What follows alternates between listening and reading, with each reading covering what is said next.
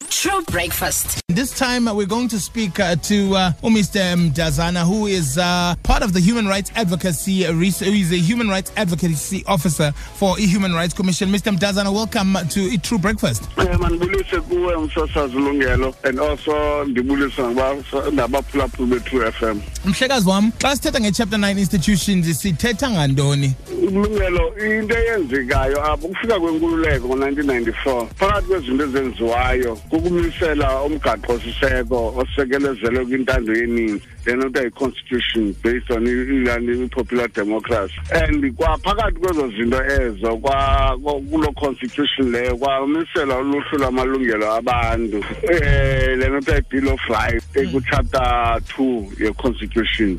Okay. now because amalungelo lana akhona on paper ayithi loo nto leyo kuzawuba lula intobana aqwalaselwe observe ngurhulumente lushishino labucala naziqu nee-communities kubalulekile kube khona ii-institutions ezifane uba ziwakhuselela amalungelo and more importantly ezi institutions zikwazi ukumilisela le ntando yenintsi isekelezelwa kumgaqo-siseko le nto sithi yi-constitutional democracy Yes. naw la maqumrhu ke ngoku amiselwe ukubana mawajonge loo nto akhona kumgaqo-siseko phaa kwisahluko sethoba kumgaqo-siseko lena sithi chapter nines Uh, Mr. Mdazana, zeziphi inkonzo that are offered that by these uh, institutions and ithini irole yazo? um sasazi i- if ndingathetha ngazo zonke it may prove to be difficult kubana into eyenzekayo sinazo ii-mandates sezi institutions though zisohluka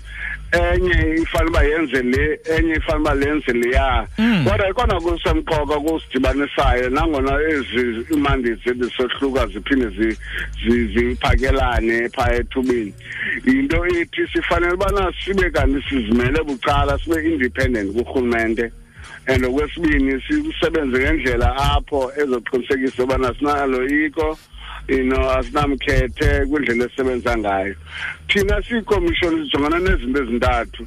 Eyokuqala kuqinisekisa into yobana sigqiba lonke eli sifundisa abantu amalungelo abo. Kwaye siqinisekise into yobana siyawakhusela la malungelo. Okwesibini ngendlela apho abantu banothi xa benezikhalazo bafake izikhalazo kuthi njengekomishoni siziphande ezibandakanya amalungelo abo.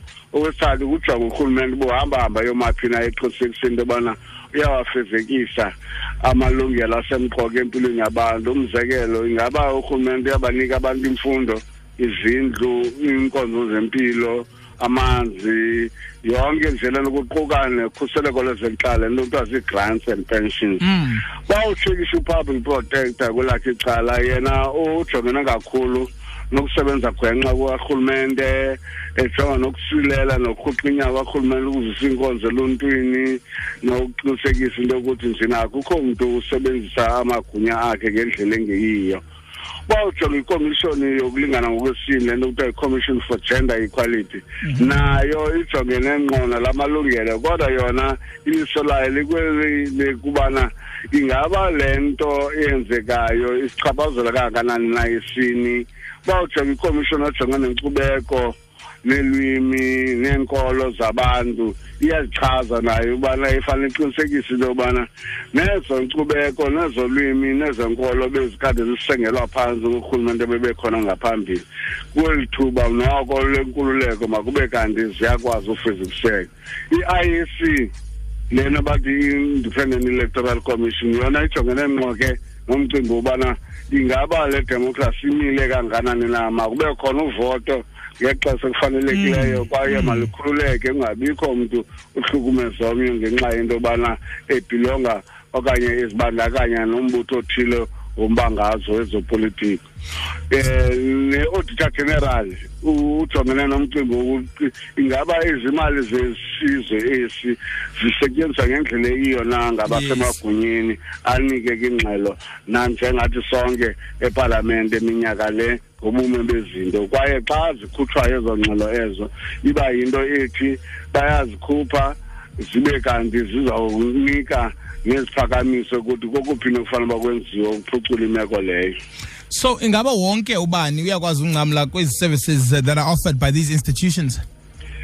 no msasazi ngalungelo into eyenzekayo apha siwakhuthaza uluntu lonke ubana mazisebenzise iinkonzo zezi institutions ngenjongo yokuqinisekisa into yobana naphezu koba bekhusela amalungelo abo kodwa le ntando yeninzi le democracy sithetha ngayo apha iyamiliseleka ngendlela efanelekileyo. And ngenxa yoko ke sinento ethi sizinikezele ezinkonzo singajonganga nzuzo. Ubuyavasela kuko onke la maqumrhu kukho lisetyana elimele ezomthetho elithi singathe izikhalazo ezisuka eluntwini ezibandakanya unganeliseki ngendlela inkqubo ezenzeka ngayo noba ezo nkqubo zisuka kurhulumente ngelinye ixesha okanye zisuka kushishino labucala Mr. Ndazana Mdazana, in fact, thank you so much uh, ngosicacisela kakuhle about uh, i-chapter 9 institutions and hopefully abantu bangakhuthala nabo to actually want to play a role at some stage in becoming part of these institutions because ingathi sibaluleke kakhulu in keeping our nation intact. yeah exactly msesazam ndanqinela nam ndibulele kakhulu ngethuba linisike siyabulela ba uh, mr mdazana he is uh, human rights act advocacy and research officer pa at the human rights commission 18 True breakfast.